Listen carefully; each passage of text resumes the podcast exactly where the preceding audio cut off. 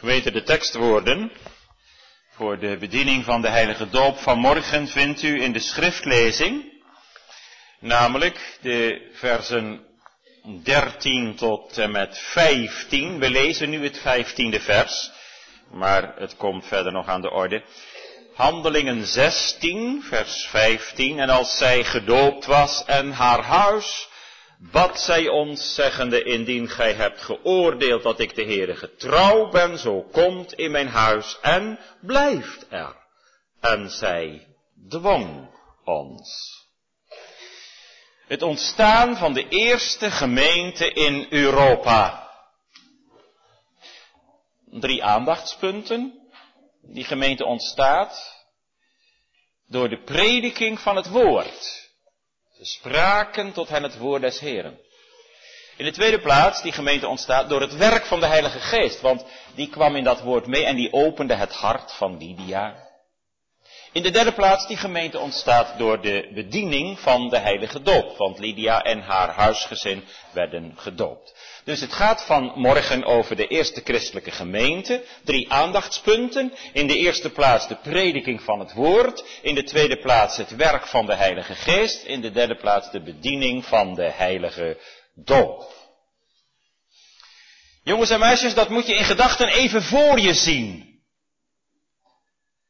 Daar buiten de stad Filippi, in een van de vruchtbare dalen, ligt een open plaats tussen de groene palmbomen. Vlakbij horen wij het ruisen van het water van de rivier. Strak blauwe lucht overkoepelt het landschap. Blanke lelies bloeien in het gras. En de vogels zingen hoog in de lucht. En daar zit een groepje vrouwen te luisteren naar wat een van de vier mannen die deze dag gekomen zijn te vertellen heeft.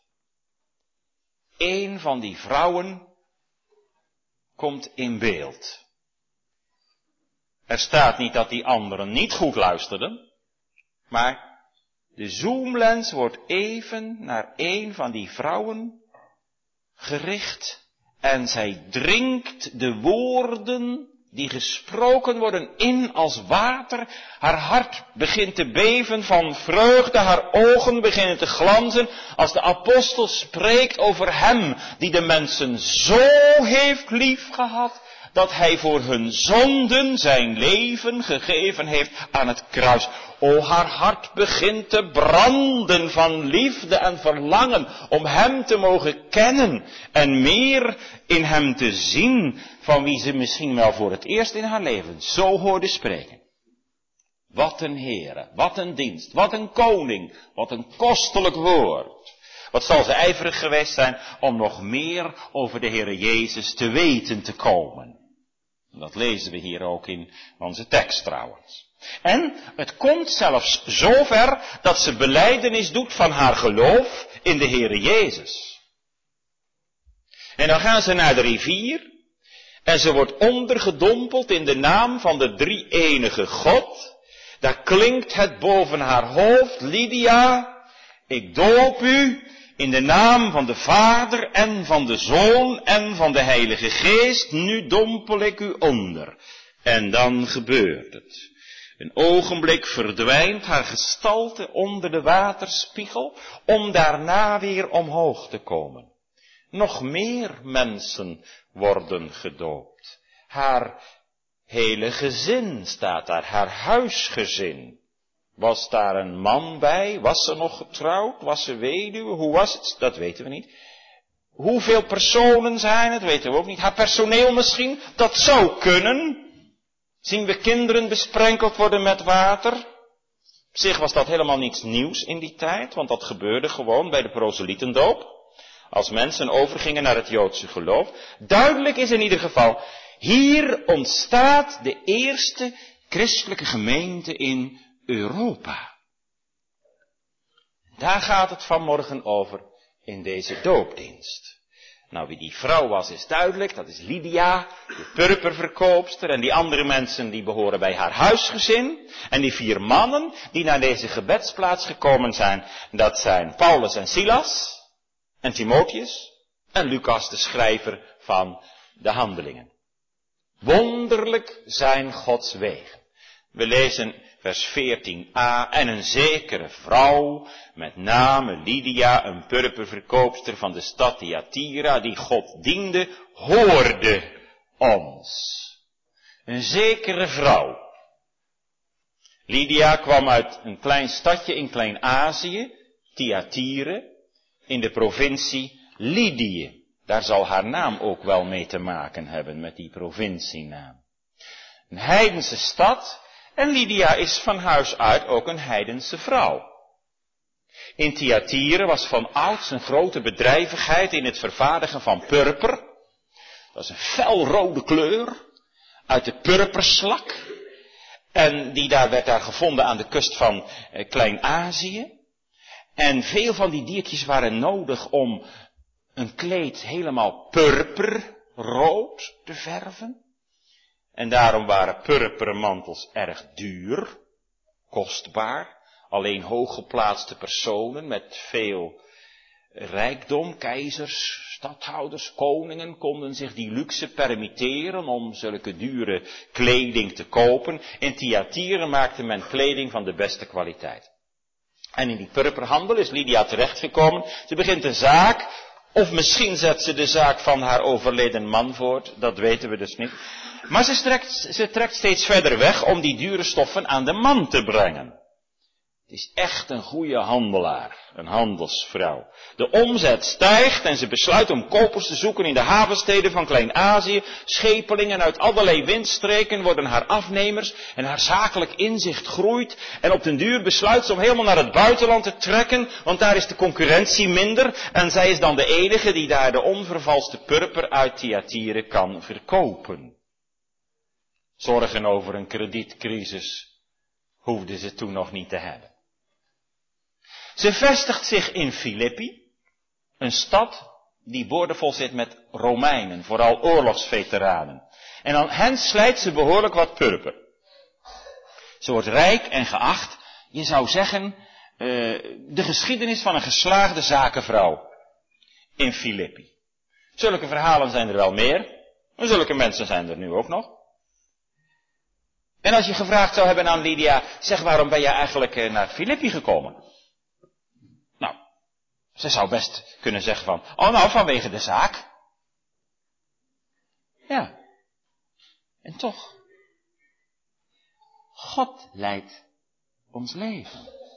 Dat van Lydia, dat van u ook, doopouders, en van uw drie kinderen. En dat van ons allemaal gemeente. Je woonplaats, je baan, je zaak, daar heeft God toch mee te maken? Blijkbaar ligt het in het raadsplan van God dat Lydia naar Filippi gaat. Die heeft, zijn hand heeft haar daar gebracht. Hoewel zij misschien haar eigen argumenten daarvoor had. Maar God wil haar echt rijk maken. Hij wil haar zalig maken. Hij regeert. Hij leidt ons leven. Bedenk dat.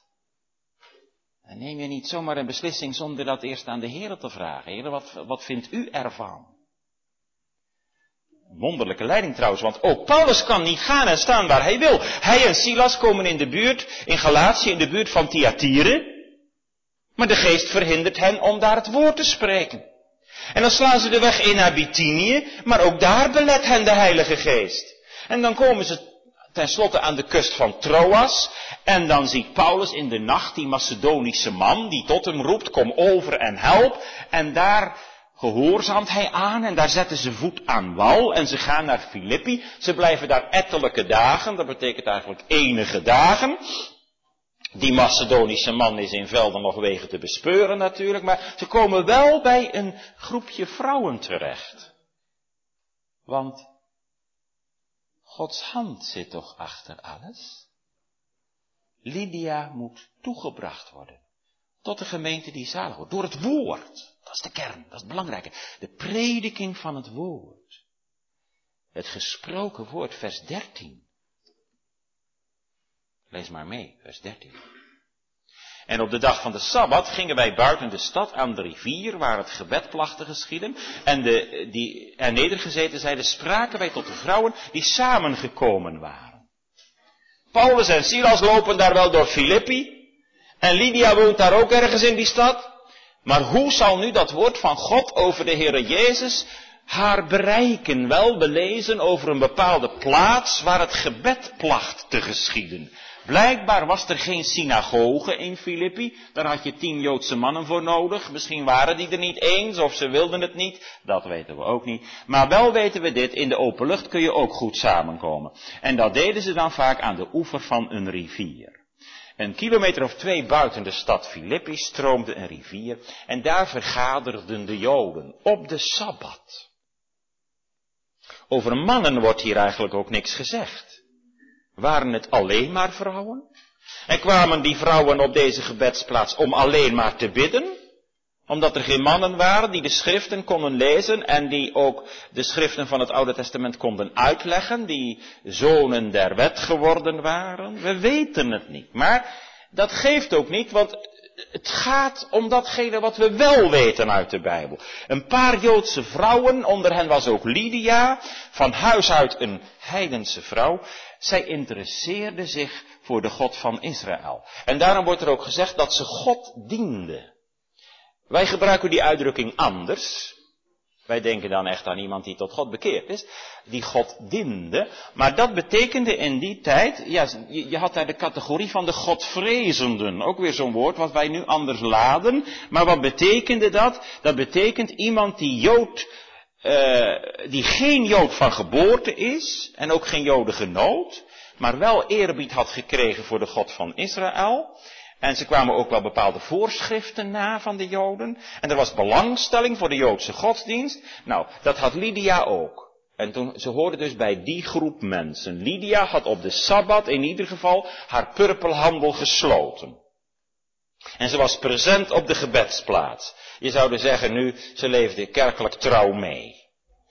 Blijkbaar zocht ze toch iets, want ze was van huis uit heiden. Blijkbaar zocht ze God.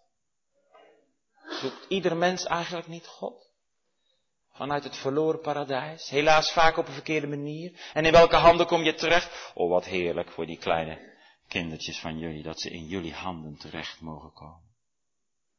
Dan is ze niet geboren zijn in een gezin waar God niet wordt gediend, waar de islam wordt aangehangen, of helemaal niks. Gods leiding gaat over ons leven, van jongs af aan. Bart, Ralf, Stijn. Nou, noem de namen maar op, jongens en meisjes. Je groeit op in een gezin waar het woord van God is. Dat is belangrijk. Lydia zocht uiteindelijk ook God. Ze ging dus niet helemaal op in haar zaak. Er moet meer zijn dan alleen maar purper en geld en goed. De dienst van God was voor haar heel belangrijk geworden, dat kun je zeggen. Is dat zo, doopouders, ouders? Wij die kinderen op te voeden hebben? Kun je dat nazeggen? En is het u echt te doen om God en zijn dienst en jullie jongelui? Je ligt onder dat teken en zegel van Gods belofte, van zijn genadeverbond. O leer uit deze geschiedenis dat we de onderlinge bijeenkomsten niet gaan nalaten. Kom trouw op naar de, de kerk of de bijbelstudie of de vereniging, de catechisatie, gemeenteavond, wat er ook is aan activiteiten.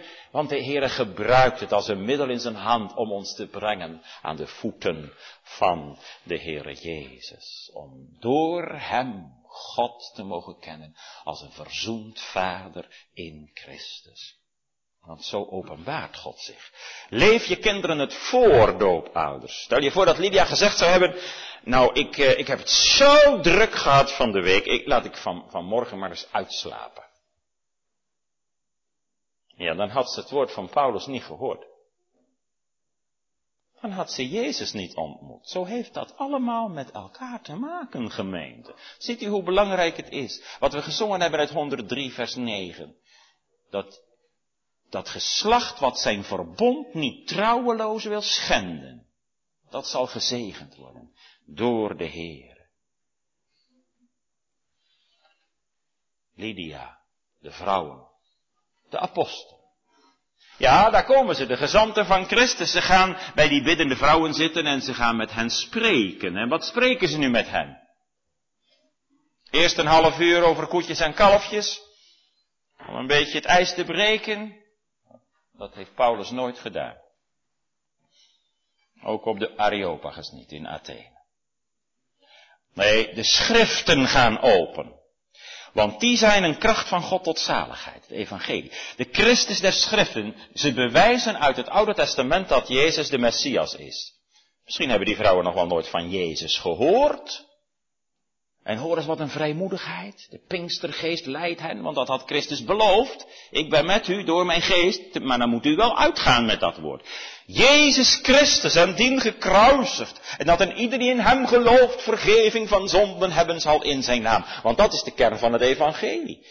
Ze hebben gepredikt schuld en vrijspraak, veroordeling en gericht, maar ook de verzoening door het bloed van Christus en de vervulling van Gods belofte in Christus over die naam Jezus. En de vervulling van Gods beloften had Lydia op deze gebedsplaats nog nooit gehoord. Dat kun je gerust stellen, want daar moesten de Joden natuurlijk niks van hebben.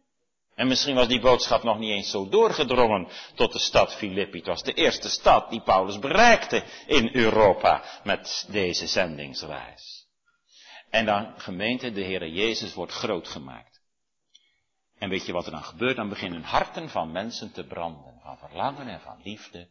Want waar Hij groot gemaakt is, want God is liefde. En Christus is uit liefde gestorven voor zondaars. Voor booswichten. Mensen die slecht zijn. als je dat gelooft, dan zeg je, heren, nu weet ik niet wat er gebeurt in mijn hart, maar alles breekt. Want die liefde van u, ja, dat heb ik nog nooit meegemaakt. Dat u dat ervoor over had. En dat u zo'n goede God bent. Begint te branden van verlangen en kennis van de zaligmaker. Is er herkenning? Gaat je hart ook zo naar hem uit? Ben je ook zo blij?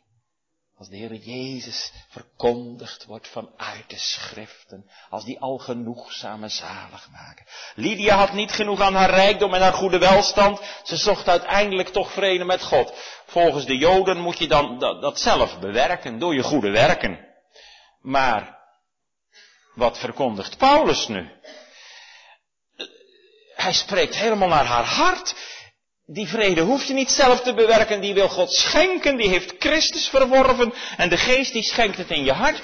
Als de gekruisigde zaligmaker haar verkondigd wordt, gaat heel haar hart open, lezen wij. Allerlei zaken uit het Oude Testament die ze al gehoord had van de Joden, die worden nu duidelijk. Nog nooit heeft ze zo dit evangelie gehoord. Overal straalt de liefde van God haar tegemoet. Hoe is het mogelijk? En dat voor een heidense vrouw, voor, zoals zij.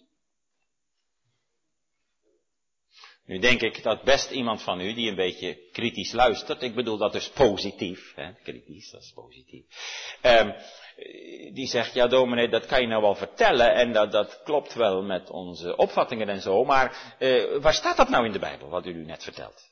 Waar kun je dat nou vinden? Nou, dat ga ik u bewijzen, want ik vind dat ook een belangrijke vraag. Um, kijk, er staat ja, er staat alleen maar ze spraken tot die vrouwen. Nou, waarom dan dat hele verhaal daaromheen? Gemeente, een paar vragen. Kunt u één plaats noemen waar Paulus komt en waar hij niet Christus predikt? En waar hij niet gelijk begint over Jezus. Dat is de Messias uit het Oude Testament. Zeker als hij Joden aanspreekt. In de tweede plaats, Lydia neemt acht op het woord van Paulus en ze laat zich dopen. Dat doe je niet zomaar, dan moet je toch weten wat dat betekent. En wat betekent die doop dan? Nou, in de doop wordt ons gepredikt het kruis en de opstanding. De doop is niet denkbaar zonder Jezus, zonder Golgotha en Pasen. We hebben dat gebeden in het formulier doopouders. Of God die kinderen, en dat geldt ook de volwassenen, genadig wil aanzien en in Christus inlijven, opdat ze in zijn dood begraven worden en met hen mogen opstaan tot een nieuw leven. En de Romeinenbrief schrijft Paulus, gij zijt met Christus gedoopt in de dood. Met hem opgestaan om in een nieuw godzalig leven te wandelen. Dus als Lydia zich laat dopen, dan kunt u er gegarandeerd van op aan dat aan de orde geweest zijn Goede Vrijdag en De doop is ondergaan en omhoog komen. En het sterkste bewijs is nog de beleidenis van Lydia. En dan kunt u gewoon de Bijbel erbij nemen. Want waar staat dat dan? Wel, in vers 14 staat dat ze God diende. En dat betekent, ze hoorden bij de Godvrezenden, ze hoorden bij die groep, niet-Joden, die toch meeleefden met de God van Israël, met de Joodse godsdienst. Maar in vers 15 staat dat ze zegt, en dat is een beleidenis, indien gij hebt geoordeeld, ze bedoelt niet dat dat in vragen is, maar ze bedoelt dat hebben jullie gezegd, gij hebt geoordeeld dat ik de Heere getrouw ben. De Heere getrouw. Getrouw, pistis, dat is het woordje voor geloof. Dat ik in de Heere geloof. In vers 14 gebruikt ze God, de God van Israël. En in vers 15 de Heer. En de Heer, de Curios, dat staat altijd in het Nieuwe Testament voor Christus. De gekruiste en opgestane Christus. En die beleidt ze. Ze zegt, jullie hebben dat gehoord, dat ik hem beleid. Ze beleidt Jezus als haar Heer, als haar eigenaar. Zij is zijn eigendom, haar zonden zijn vergeven. Ze diende God. En nu, nu is ze zo gelukkig, nu kent ze de Heer Jezus. U ook? Je dient God, nou ja, je komt naar de kerk en je hebt de Bijbel en je gelooft het. Maar mag je nou ook zeggen, ik ken de Heer Jezus. Omdat mijn hart geopend is. En dat komt nu. Eerste was de prediking van het woord. Zo ontstaat die gemeente door het woord. Maar niet het woord op zich. Want daar is bij nodig de, de kracht van de Heilige Geest. En dat blijkt als haar hart geopend wordt. Dat is ons tweede aandachtspunt. Het werk van de geest. Want in het tweede deel van 14 lezen we, welker hart de Heere heeft geopend, dat zij acht nam op hetgeen van Paulus gesproken werd. Ziet u de lijn, bidden, samen, die gebedsplaats, tussen die palmbomen, aan de oever van de rivier. En dan echt luisteren, horen, acht, geven op het woord. En dan staat er, haar hart werd geopend. Dus je hoeft niet alles in de finesses helemaal op een rijtje te zetten en het af te turven.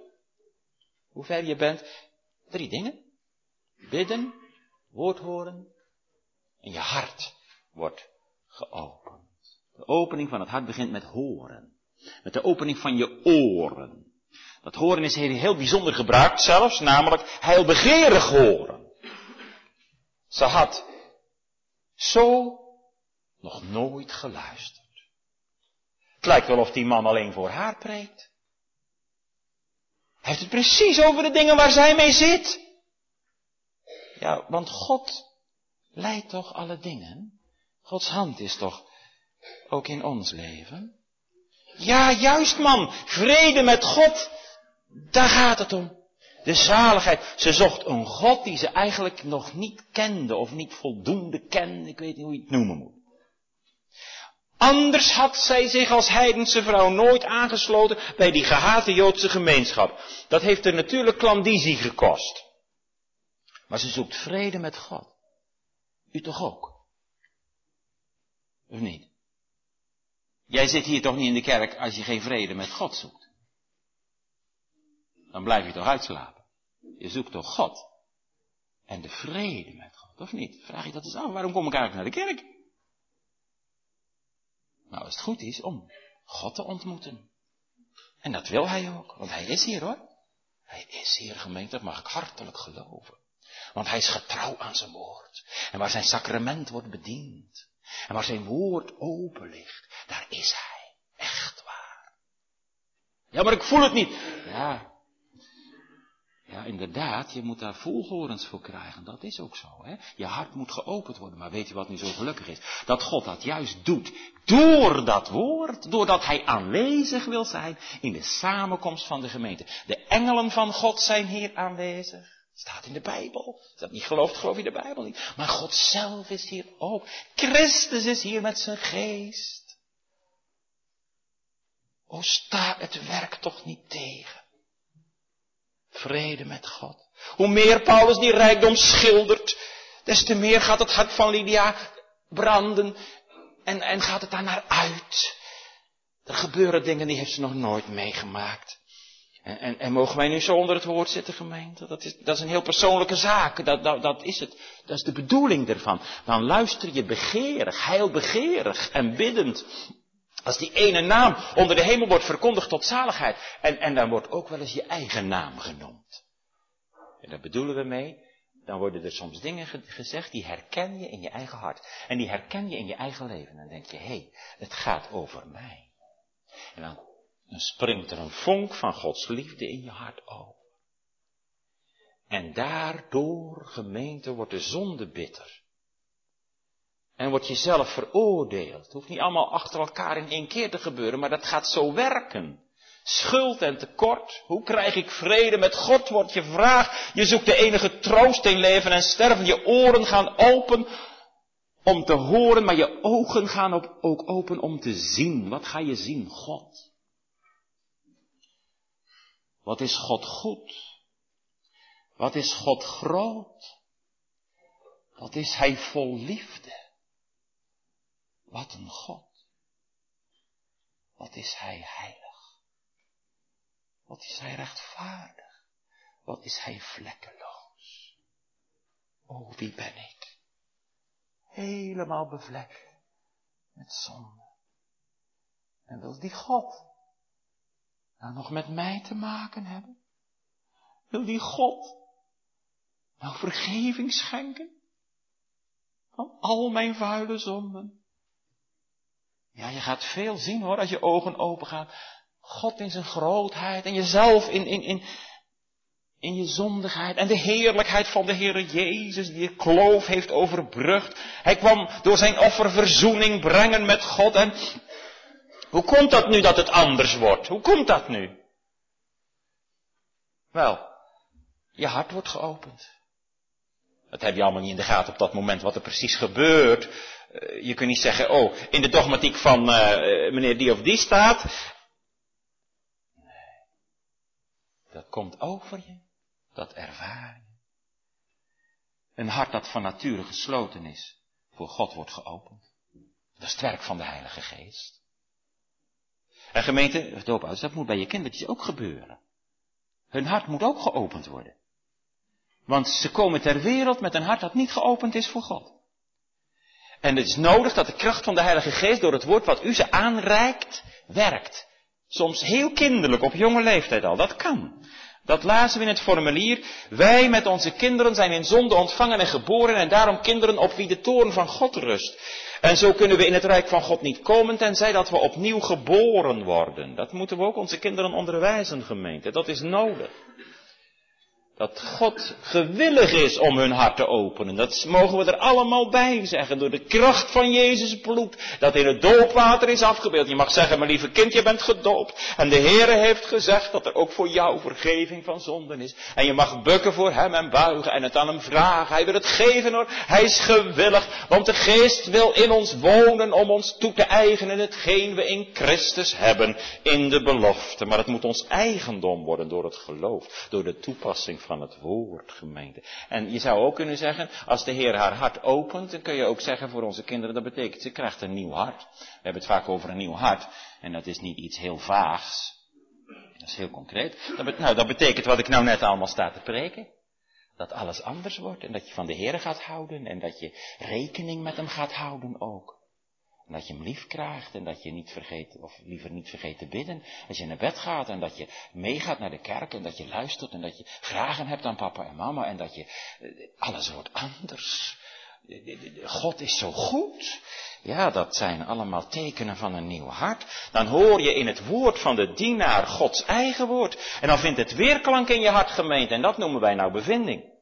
Dat het woord weerklank vindt in je hart. Dan ga je bevindelijk luisteren. Dan krijg je de toepassing van het woord van God door de kracht van de Heilige Geest in je hart. En dan mag je zeggen, ja, als die toe-eigening er is, Jezus.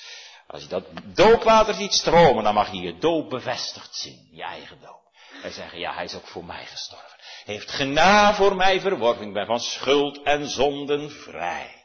Ik ben de Heere uw God, zegt de Heere. Ja, Heere. Oh, ik geloof het. Wat bent u goed. En dat voor mij. Wie opende haar hart? De Heere. Ja, door zijn Heilige Geest. Daarom heb ik het ook maar zo genoemd, het werk van de Geest. Want die opent het hart door het woord. Maar er staat de Heer die doet het. Hij regeert. Hij brengt die eersteling in Europa toe tot de gemeente die zalig wordt. Hij staat aan de deur en hij klopt. Maar hij doet ook de deur open. En Lydia die deed de deur niet van slot, maar de Heer staat. Alles is genade betekent dat. Zo mocht Lydia zich overgeven aan de Heere Jezus. En hij werd haar Heere. En ze kreeg ook alles voor hem over. Dat blijkt wel als ze straks die apostelen uitnodigt om in haar huis binnen te komen. Om hen, zolang als het maar kan, gastvrijheid te bieden. En dan, dan, dan krijgt zij weer van dat heerlijke onderwijs. Gemeente, doopouders. Is jullie hart al geopend? Ouders. Is jullie, is ons hart al geopend? De Heer staat aan de deur, heden. En die mijn stem hoort, verhard u niet, maar laat u leiden. Dat hebben we toch ook nodig om onze kinderen op te voeden? In de vrezen des Heeren. Hoe zullen ze proeven wat het zeggen wil om God te dienen, als je het zelf niet doet? De doop vermaant en verplicht toch ons tot een nieuwe gehoorzaamheid. Om deze drie enige God lief te hebben en te dienen en de wereld te verlaten en te verzaken. En in een nieuw godzalig leven te wandelen. Nieuwe gehoorzaamheid, die komt voort uit een geopend hart, uit een nieuw hart. En hoe dat precies allemaal in zijn werk gaat, gemeente, dat openen van het zondagshart door de Heer. Ik zei net, dat kun je niet helemaal precies analyseren. Dat hoeft ook niet. Doe dat ook maar niet, want je zou erdoor in de war raken. Bidden, het horen van het woord, luisteren en de opening van het hart. God komt. Je weet het, één ding weet ik, ik was blind en ik mag nu zien blijft een groot geheim. De zon is opgegaan in de duisternis van je leven. Ja, de tekst zegt nog erbij dat ze acht nam op hetgeen van Paulus gesproken werd. Als je hart wordt geopend, gemeente, dan uh, ga je acht geven op het woord. Dan ga je anders luisteren. Heel begeerig. Het betekent vooral, je gelooft het ook echt wat er gezegd wordt. Wat er in de Bijbel staat wat er gepredikt wordt, als dat tenminste naar de schrift is. Je erkent dat als het gezaghebbende woord van God. Het gaat werken, het werkt iets uit, de waarachtige bekering tot zaligheid. Als je hart wordt vernieuwd, krijg je ook een nieuwe levenswandel. Dan kunnen mensen dat toch aan je zien. Niet met de meetlat, maar met de ogen van het geloof, die blij zijn als er vruchten gezien mogen worden. Je gaat je houden aan het woord en je hebt er plezier in om Gods geboden te doen. En Paulus heeft natuurlijk ook over de doop gesproken met Lydia, dat zei ik er net al. En dan komt het zover. En dat is ons laatste aandachtspunt. Daar ga ik dan nu mee afsluiten. Maar de eerste christelijke gemeente in Europa, door de prediking van het woord, door het werk van de geest, en door de bediening van de heilige doop. Want als de doop niet wordt bediend, dan ontstaat er geen gemeente. Ik weet nog wel op eh, Papua vroeger, als de eerste dopelingen er waren, en de eerste mensen waren gedoopt, dan mocht je spreken van een gemeente. En dat is hier ook zo. We lezen vers 15. En als zij gedoopt was en haar huis, wat zij ons zeggende, indien gij hebt geoordeeld dat ik de Heere getrouw ben, zo kom in mijn huis en blijf er en zij dwong ons. Lydia wordt gedoopt. En haar huis staat er. Lydia heeft haar geloof beleden. Ze is de Heere getrouw geworden, de Heere Jezus. Daar daalt ze af in het water. De oude mens sterft symbolisch. U kent die Bijbelse taal toch? En het omhoog komen uit het water symboliseert de opstanding van de nieuwe mens. De naam van de drie enige God wordt over haar leven uitgeroepen. De vader richt met haar een eeuwig verbond der genade op en hij neemt haar aan tot zijn kind. En de zoon wast haar in zijn bloed van al haar zonden. En de heilige geest neemt zijn blijvende intrek in haar hart en gaat haar verder leiden en onderwijzen in wat Christus allemaal verworven heeft voor zijn kerk. En hij vernieuwt haar leven van dag tot dag. Levenslang mag ze terugvallen op haar doop. Als de strijd komt, als de aanvechting komt, vlak bij het heidense Filippi waar de strijd wacht, daar woont immers de antichrist, daar zijn de vijandige Joden, Paulus en Silas komen zelfs in de kerker terecht, in de gevangenis. En als haar klanten, de Romeinse veldheren, wegblijven omdat zij christin geworden is, ze mag het weten. Mijn vader zorgt voor mij. Hij zal alle kwaad van mij weren of ten beste keren. En als ze dieper wordt ingeleid in de verdorvenheid van haar eigen hart, dan mag ze het weten, Jezus gaf zijn bloed voor mij, tot een volkomen verzoening van al mijn zonden. En als ze haar onmacht beleeft in het leven voor Gods aangezicht in heilige levenswandel, hoewel die nieuwe begeerte dat enorm graag wil en ook om telkens weer opnieuw tot Christus te gaan. Wat heb je de geest nodig? Nou, dan mag ze weten, de Heilige Geest wil mij toe-eigenen steeds weer wat ik in Christus heb ontvangen. Ze is aangenomen door de Vader, gereinigd door de Zoon. Ze wordt geheiligd door de Heilige Geest. Met Christus begraven in zijn dood door de doop en met hem opgestaan in een nieuw leven. Te midden van alle verdrukking die er zeker komen zal, mag ze weten, ik ben gedoopt. Ik ben het eigendom van Christus. Ze heeft haar geloof beleden. En als zij gedoopt was, ja, zo gingen ze naar de rivier. Zo daalden ze af. Zo klom ze weer op de oever omhoog. Lydia is van een heidense vrouw met belangstelling voor het Joodse geloof en de God van Israël en de schriften van het Oude Testament. Ze is nu christin geworden, ingelijfd in de gemeente van God. Huisgenoot van God, het eigendom van God, ingeboekt op naam van de drie enige God. Het is allemaal wel erg vlug gebeurd, vindt u niet? Ik vind van wel eigenlijk. Wij nemen daar nu langer de tijd voor. De situatie is ook heel verschillend. En laten we niet gauw zeggen dat dit verkeerd was, want het is juist geweldig wat hier gebeurt. Je ziet het bij de kamerling, je ziet het bij Cornelius, je ziet het bij de stokbewaarder. Oh, nog zo dicht bij Pinksteren, wat werkte de Heilige Geest krachtig. Maar gemeente, hij is nog dezelfde hoor. En wij eigenlijk ook ten diepste. Wachten we het ook van de Heer? De mensen komen die hun geloof mogen beleiden en gedoopt worden, mensen die Hem nog niet kenden. Wat een roeping voor ons als gemeente in deze wereld. Het wordt zo verteld alsof er helemaal geen tijdsverloop geweest is tussen Lydia's achtnemen op het woord en haar doop. Met het opengaan van haar hart gaat de deur van het koninkrijk voor haar open. Blijkbaar vindt de apostel een tijd van beproeving, een langere beproeving, niet nodig. Lydia neemt afscheid van haar vroegere leven en ze voegt zich bij de kerk van het Nieuwe Testament. Zij is de eersteling van de eerste christelijke gemeente in Europa. En haar huis. Haar gezin.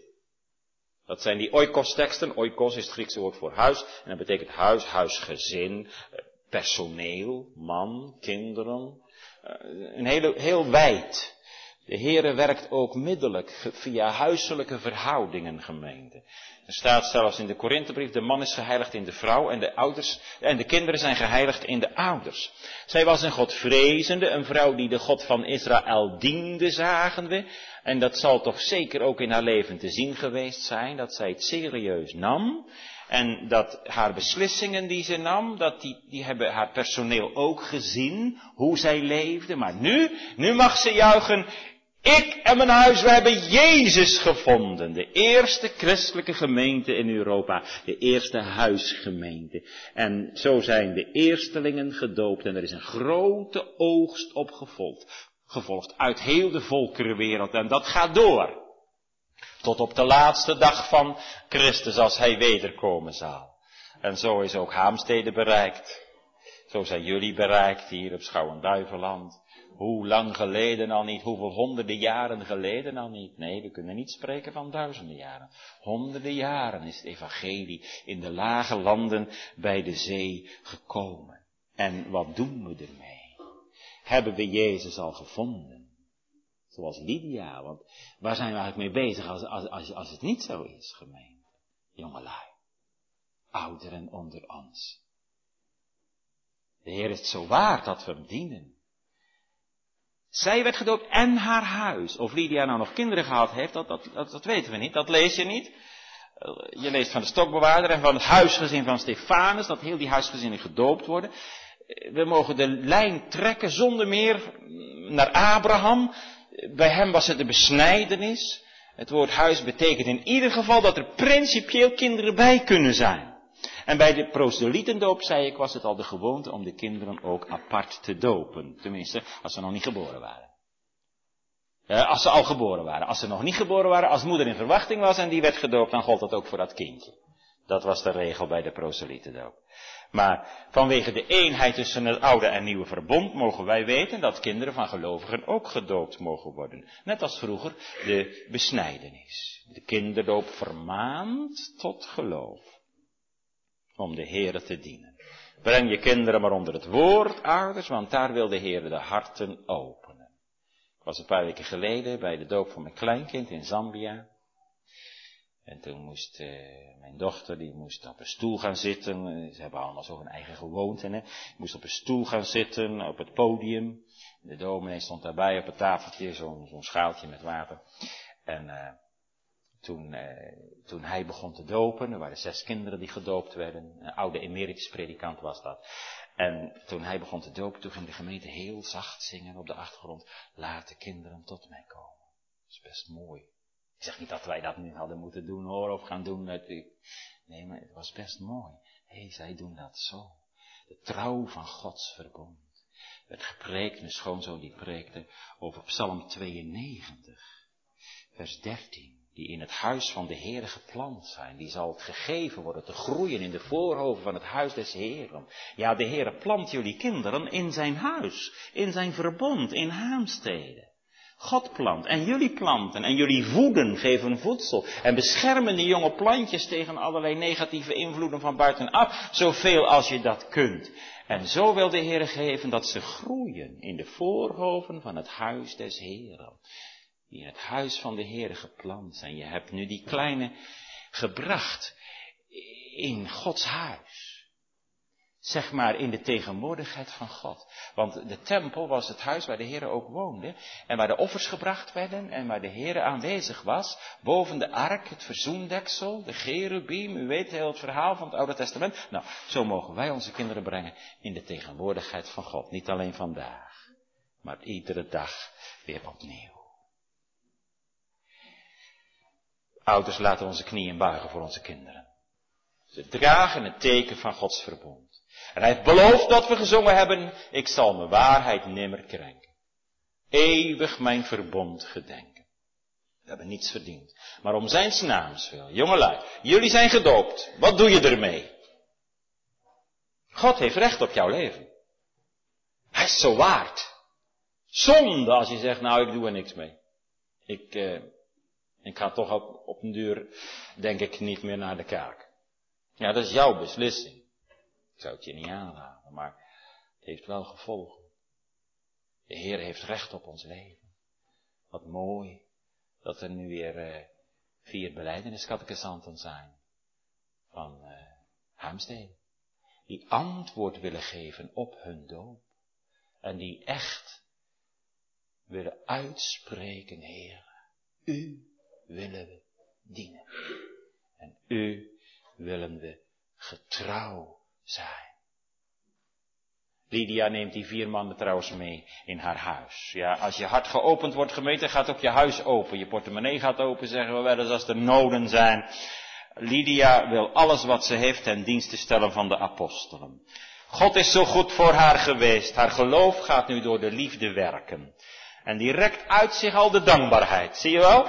Het blijft niet schuilen in een goed gevoel. Maar het uit zich in daden van liefde. Ja, daar komt het toch op neer. Heel concreet in het dagelijks leven. Mensen, kom in mijn huis. Misschien zaten ze wel in een hotelletje, want er was nog geen gemeente.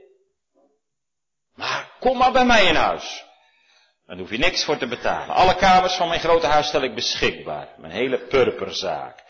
Heren, al het mijne is het uwe, want het is van u. En ze dwong hen om in huis te komen. En ze zegt, blijf toch, blijf toch. En dat was om goed voor hen te zorgen, maar natuurlijk ook om nog meer te horen uit de mond van deze mannen over Jezus. En over wat hij gedaan heeft en Bethlehem en Golgotha en zijn levenswandel en wat hij gezegd heeft en de zeven kruiswoorden en hoe hij afscheid nam van zijn discipelen met hemelvaart en wat hij beloofd heeft en wat er gebeurd is met Pinksteren en dat dat voor iedere christen is weggelegd, dat je hart niet alleen geopend wordt, maar ook helemaal vervuld wordt met de Heilige Geest. Ze dwong ons, blijf toch alsjeblieft in die dienaren begroeten ze Christus zelf. Want die was koning geworden in haar hart. Zo zegt de Bijbel dat, die u ontvangt, die ontvangt mij. Waar ons hart voor de Here open gaat, daar merken andere mensen het. Eerst in je eigen gezin natuurlijk. Merken ze dat, ouders, uw kinderen, je voor de Here leeft. Kinderen, merken je ouders dat, als je voor de Here leeft. Kom toch trouw op. Wat zou het heerlijk zijn als straks, gemeente, je kinderen tegen je zeggen, papa, mama, die God die jullie lief hebben, die wil ik ook dienen. En die wil ik ook beleiden voor de mensen. Ik wil ook aan de Heer getrouw zijn. Dan wordt het feest in je huis. Net als bij Lydia. Kijk, daar gaan ze naar binnen. De apostelen, koningskinderen. Wat een vreugde. Misschien is Lydia's blijdschap nog wel het, het, het grootst. Ze was eerst zalig in het ontvangen van het woord. En nu is ze zalig in het geven. En voor Paulus en de zijnen wordt het ook feest. Want het geopende hart van Lydia en de geopende deur voor heel haar huis is een teken voor de geopende deur in Filippi. De eerste christengemeente. De liefde geurt. Ja, want later is die kleine huisgemeente uitgegroeid tot een stadsgemeente. Schrijft de apostel in zijn herderlijke brief aan hen en dan noemt hij de gemeente zijn blijdschap en kroon. Die de Heere, de vrucht die de Heer als kroon op zijn werk gezet heeft, is de gemeente van Filippi. En dat begon met Lydia en toen die stokbewaarder en toen kwam er steeds weer bij. En gemeente laat het voor ons allen een uh, troost zijn, de bemoediging die Paulus ook schrijft aan die mensen van Filippi, die ook wel eens twijfelen en ook wel eens denken, ja is het nou wel echt bij mij? Hij zegt, mensen moest luisteren. Eén ding is waar, God is getrouw. Ik vertrouw erop dat Hij, die in u een goed werk begonnen is, dat voleindigen zal. Tot op de dag van Jezus Christus. Geprezen zij deze God.